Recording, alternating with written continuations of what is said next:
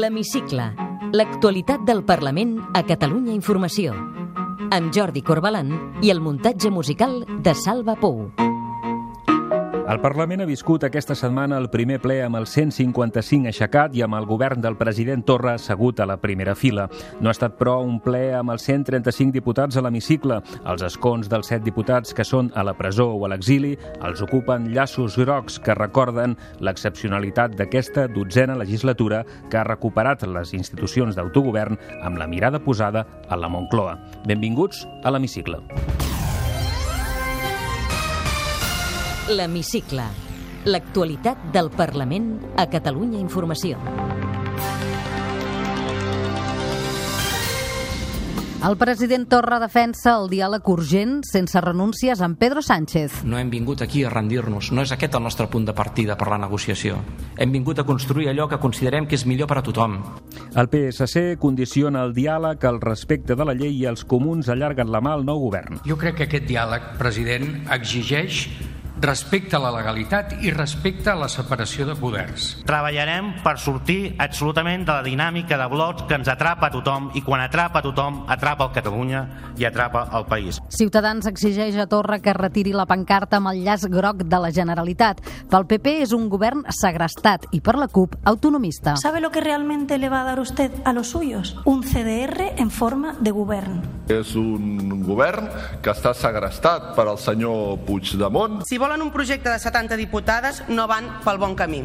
De fet, van totalment en contradirecció. El ple rebutja la proposta del PP de modificar la llei per revocar les prerrogatives de Carles Puigdemont com a expresident. Lo que el separatismo plantea en relación a la figura del expresidente no tiene reflejo en ningún ordenamiento jurídico del mundo civilizado. Els autors del A por ellos ara ens proposen aquesta llei ad personam, que bé l'haguessin pogut titular A por él, a pel president Puigdemont. El Parlament aprova per unanimitat crear una comissió d'investigació sobre el magatzem de gas Castor. que ara queda el seu desmantellament i després de l'experiència de tot el que hem viscut és imprescindible que este Parlament eh, mantinguem una actitud molt proactiva. Sobretot per posar llum a les foscors, creiem convenient impulsar aquesta comissió d'investigació sobre el projecte Castor.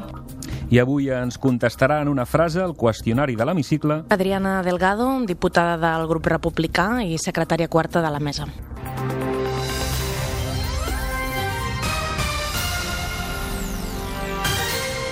El president de la Generalitat, Quim Torra, adverteix Pedro Sánchez que el diàleg i la negociació entre els dos governs no pot partir de la rendició i avisa que el govern català no farà cap pas enrere a l'hora de reivindicar el mandat de l'1 d'octubre i de les eleccions del 21D. El president va compareixer dimecres davant el ple del Parlament per explicar l'estructura i la composició del nou govern. Ho expliquem amb Pilar Merodio.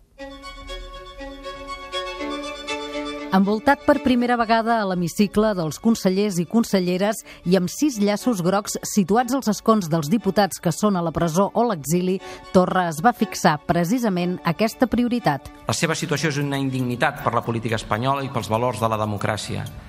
No normalitzarem la situació de crisi política del país fins que tots, presos polítics i exiliats, siguin a casa. Ho repeteixo avui un cop més, el nostre objectiu vital com a govern és el seu retorn en llibertat. Torra confia que el govern de Pedro Sánchez s'avingui a tractar de forma urgent la situació de Catalunya. Calen solucions, cal prendre riscos, cal dialogar i cal negociar. Espero que el nou govern espanyol del senyor Pedro Sánchez s'avingui a tractar de manera urgent la qüestió de Catalunya. Nosaltres hem fet un camí democràtic i pacífic. No hem sortit mai d'un camí democràtic i pacífic. L'estat espanyol no pot dir el mateix. El president va deixar clar que el punt de partida del diàleg no pot ser la renúncia. Nosaltres seguim. La democràcia no es rendirà, l'anel de llibertat no es rendirà. Una societat que cerca un futur millor pels seus fills i pels més vulnerables no es rendirà. No hem vingut aquí a rendir-nos, no és aquest el nostre punt de partida per la negociació. Hem vingut a construir allò que considerem que és millor per a tothom. I encara que no els agradi sentir-ho, allò que pensem que és millor també per a la societat espanyola. La cap de l'oposició, Inés Arrimadas, va exigir al president de la Generalitat que tregui la pancarta amb el llaç groc de la façana de la Generalitat si vol mostrar una veritable voluntat de diàleg. La líder de Ciutadans, que aquest divendres ha declinat reunir-se amb Torra, acusava el president d'haver format un govern només per als del llaç groc. El president va reivindicar el llaç com a símbol de dignitat. ¿Sabe lo que realmente le va a dar usted a los suyos? Un CDR en forma de gobierno dirigido únicamente a los que tienen un lazo amarillo. Eso es lo único que usted va a ofrecer a los catalanes. ¿Usted quiere hablar con los que representamos a un millón cien mil catalanes? ¿Usted quiere hablar con los que somos representantes de aquellos que no llevan lazo amarillo? Demuéstrelo. Quite de la fachada de la Generalitat de Catalunya un símbolo que solo es para los del lazo. Jo no despenjaré la pancarta al Palau de la Generalitat. No la despenjaré. Però és que aquella pancarta ja no és tan sols pels presos polítics, companys diputats nostres. Aquella pancarta és per cantants, també. És que els sembla possible que normalitzem aquesta situació d'excepcionalitat? Justícia i no escarment. Això és el que significa el llaç groc. Justícia i no escarment. I per això el seguirem portant. I per això per nosaltres és tan important reivindicar-lo. El PSC avisava mentrestant al president Torra que el diàleg amb el nou govern espanyol, presidit per Pedro Sánchez, exigeix respecte a la legalitat. El president del grup parlamentari del PSC i Units, Miquel Iceta, va defensar també la necessitat d'ampliar els consensos dins de Catalunya. Jo crec que aquest diàleg, president, exigeix respecte a la legalitat i respecte a la separació de poders. Com més suports tingui, més possibilitats tindrà d'anar avançant i d'anar aconseguint resultats concrets. Això no és de cap manera un xec en blanc amb el PSOE i necessito urgentment parlar amb el senyor Pedro Sánchez per saber què, què em trobaré, què ens trobarem amb el Partit Socialista. Miri, eh, que el senyor Josep Borrell sigui ministre d'Exteriors no és una mala notícia, és una pèssima notícia per nosaltres. Els comuns, per la seva banda, van oferir bona disposició al govern del president Torra per obrir una nova etapa a Catalunya. Xavier Domènech va apel·lar a la majoria que va avalar la moció de censura contra Mariano Rajoy per trencar aquí la dinàmica de blocs. El president va recollir el guant. Treballarem per sortir absolutament de la dinàmica de blocs que ens atrapa a tothom i quan atrapa a tothom atrapa el Catalunya i atrapa el país. I ho farem i aspirem a trencar aquests blocs per fer uns pressupostos que siguin realment dignes de la nostra societat. Drets socials, motor del canvi republicà. Llibertats públiques radicalment defensades i dret a l'autodeterminació. Jo penso que aquí som els comuns i nosaltres. I per tant, nosaltres aquí haurem de parlar, i haurem de parlar molt sovint, aquí i a Madrid. Mà estesa que recullo. La CUP, situada a l'oposició, va demanar al president de la Generalitat que deixin d'enganyar els ciutadans. La diputada Natàlia Sánchez considera que ni han restituït el govern, com es van comprometre, ni és un govern efectiu. Quim Torra va rebutjar que presideixi un executiu de perfil autonomista. Si volen un projecte de 70 diputades, no van pel bon camí. De fet, van totalment en contradirecció. President Torra, l'equip que li han escollit per governar les engrunes de l'autonomia reforcen les nostres sospites. Convergència i Esquerra Republicana li han escollit un equip continuista amb les polítiques dels anteriors governs, continuista amb les polítiques autonomistes. Jo no seria el president de la Generalitat si aquest fos un govern autonomista. Jo no vull les engrunes, és que és més, ja no vull ni, ni el pa sencer, és que jo vull el forn. Jo vull el forn sencer, d'acord? I aquí, I aquí ens hi trobareu i els populars consideren que el nou govern està segrestat per Carles Puigdemont. El líder del subgrup parlamentari popular, Xavier García Albiol, va retreure a Torra que s'hagi reunit abans amb Puigdemont i l'anterior govern que amb els grups de l'oposició. És un govern, senyor Torra, que està segrestat per un fugitiu de la justícia. És un govern que està segrestat per al senyor Puigdemont des d'Alemanya, que és qui de debò controla a l'executiu. Clar, si vostè em parla d'un govern segrestat per un fugitiu de la justícia, és que ja el punt d'entrada és, és difícil. No sé, sincerament, el que no sé qui viu en la, el món aquest eh, virtual és que potser és vostè. I diu, aquest és el govern que vostè volia, em, deia a mi, no? Doncs no, no és el govern que jo volia, clar que no. És que jo no volia ser president de la Generalitat. perquè hi havia un president de la Generalitat, que era el senyor eh, Puigdemont. Pel que fa als grups que donen suport al govern, Junts per Catalunya va desafiar Ciutadans a acabar amb la presó i l'exili si no vol veure més llaços grocs i Esquerra va celebrar que el que anomena la foscor del 155 hagi sortit per fi de les institucions. El portaveu de Junts per Catalunya, Eduard Pujol, va demanar a Inés Arrimadas que deixi de flirtejar amb el franquisme i s'acosti a les actituds democràtiques. Anna Caula, portaveu del grup republicà, va demanar al nou executiu que treballi buscant complicitats per ser el millor govern per tothom. Senyora Arrimadas, vol eliminar els llaços grocs? Ho vol? Doncs elimini la vergonya de la presó i l'exili. Vol acabar els llaços grocs? Vol acabar amb els llaços grocs? Oblidis de flirtejar amb el franquisme i flirtegi amb la democràcia i les actituds democràtiques. Volem governar per tothom. Ens faríem nostra l'expressió de la Muriel Casals de governar per un sol poble en convivència sana, constructiva, recíproca i enriquidora, defugint la divisió. Apostem per una societat que suma, no creiem amb la fractura ni els models que la promouen. Una societat que és plural, que es nodreix de la riquesa i virtuts dels altres. Eduquem i vivim en llibertat en la seva màxima expressió. L'Hemicicle. El Parlament a Catalunya Informació. El ple d'aquest dimecres va rebutjar amb els vots independentistes i dels comuns la modificació de la llei que hauria deixat Carles Puigdemont sense els drets i les prerrogatives que tenen reconeguts els expresidents de la Generalitat. Els populars que van voler tramitar la reforma per la via express proposaven que els expresidents disposessin dels mitjans materials i personals només dins del territori de Catalunya. També plantejaven que en cas de sentència ferma contra un expresident perdi les prerrogatives sense passar pel ple del Parlament. Ciutadans i el grup socialista van donar suport a la reforma del text, tot i que preferien que s'hagués tramitat de manera ordinària. Parlen el portaveu popular Alejandro Fernández, Nacho Martín Blanco de Ciutadans i el socialista Ferran Pedret. Lo que el separatismo plantea en relación a la figura del expresidente no tiene reflejo en ningún ordenamiento jurídico del mundo civilizado. En ninguno. Y por lo tanto solicitamos el apoyo a los grupos parlamentarios y sobre todo a un partido que no tiene siglas, que és el del sentido común. Crec que tot plegat el que fa és precisament millorar la llei i tendir cada vegada més cap a la dignificació de la institució de la Generalitat. Podria estar d'acord la cambra amb que aquests dos canvis serien perfectament vàlids per la situació dels expresidents que hi ha ara o pels que hi pugui haver en el futur, perquè en tots dos casos sembla ponderat i raonable el que es planteja. Els grups independentistes i els comuns van sumar els seus vots per tombar la proposta. Escoltem Eusebi Candepedrós, de Junts per Catalunya, el republicà Ferran Civit, Elisenda Alemany, portaveu dels comuns, i el copaire Vidal Aragonès. Podríem dir que dels autors del A por ellos ara ens proposen aquesta llei ad personam, que bé l'haguessin pogut titular A por él, a pel president Puigdemont.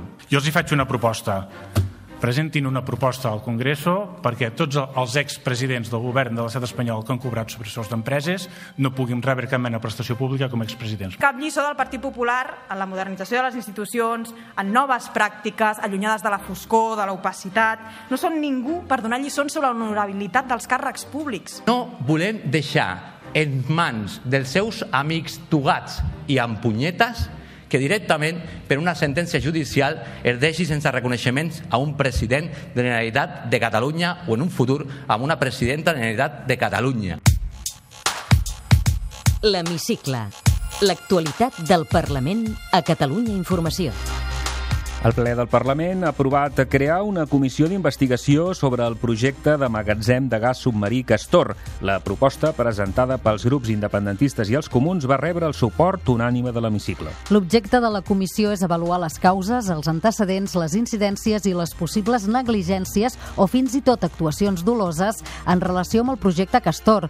La diputada de Junts per Catalunya, Mònica Sales, i el republicà Lluís Salvador, tots dos de les Terres de l'Ebre, van argumentar la conveniència de posar en marxa la comissió. Molts municipis de les Terres de l'Ebre i del Maestrat han mostrat de sempre el rebuig a aquest projecte i, per tant, Per tots els motius exposats i sobretot per posar llum a les foscors, creiem convenient impulsar aquesta comissió d'investigació sobre el projecte Castor, amb la finalitat de fer-ne una anàlisi exhaustiva que permet avaluar les diferents fases d'aquest projecte i totes les incidències i negligències que s'hi puguen desprendre.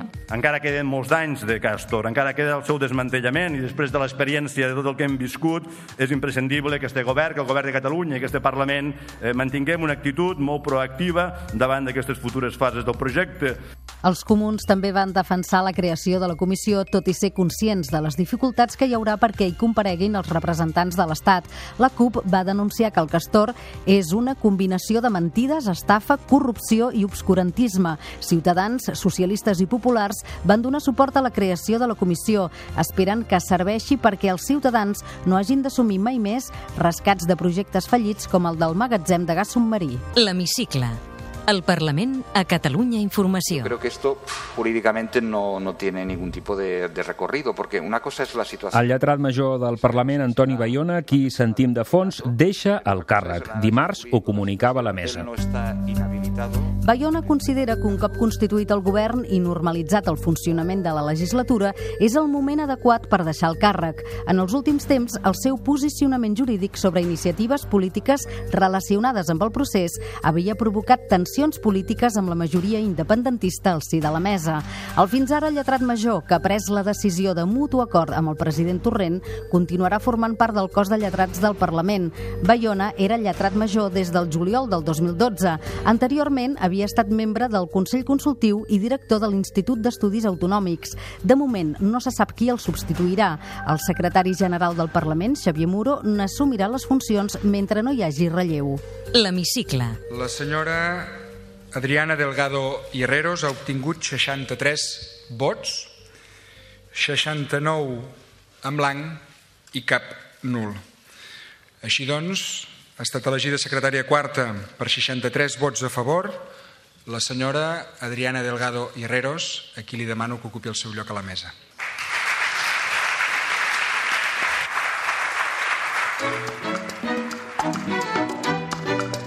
Té la paraula Soc Adriana Delgado, diputada del grup republicà i secretària quarta de la mesa. En una frase. Com ha viscut aquest primer ple des de la mesa com a nova secretària quarta? Amb emoció, perquè no estava dins dels meus plans ocupar aquest càrrec i el fet doncs, de fer-ho també en substitució de l'Alba Vergés, que ja ha hagut d'agafar la responsabilitat de consellera de Salut, doncs ha sigut eh, aquestes eh, condicions les que han donat aquest punt d'emoció. Adriana Delgado va entrar al Parlament en el lloc de la malaurada Muriel Casals. Per tant, m'imagino que va ser un altre moment eh, intensament emocional. Doncs sí, perquè entrava al Parlament eh, que era una cosa que evidentment volia, per la qual m'havia presentat i que podia ser un motiu de molta alegria, però lamentablement va ser possible eh, per la mort de la Muriel, per la qual cosa doncs, eh, era, era trist eh, i a més a més doncs, amb molta responsabilitat i aquest honor d'entrar per ella.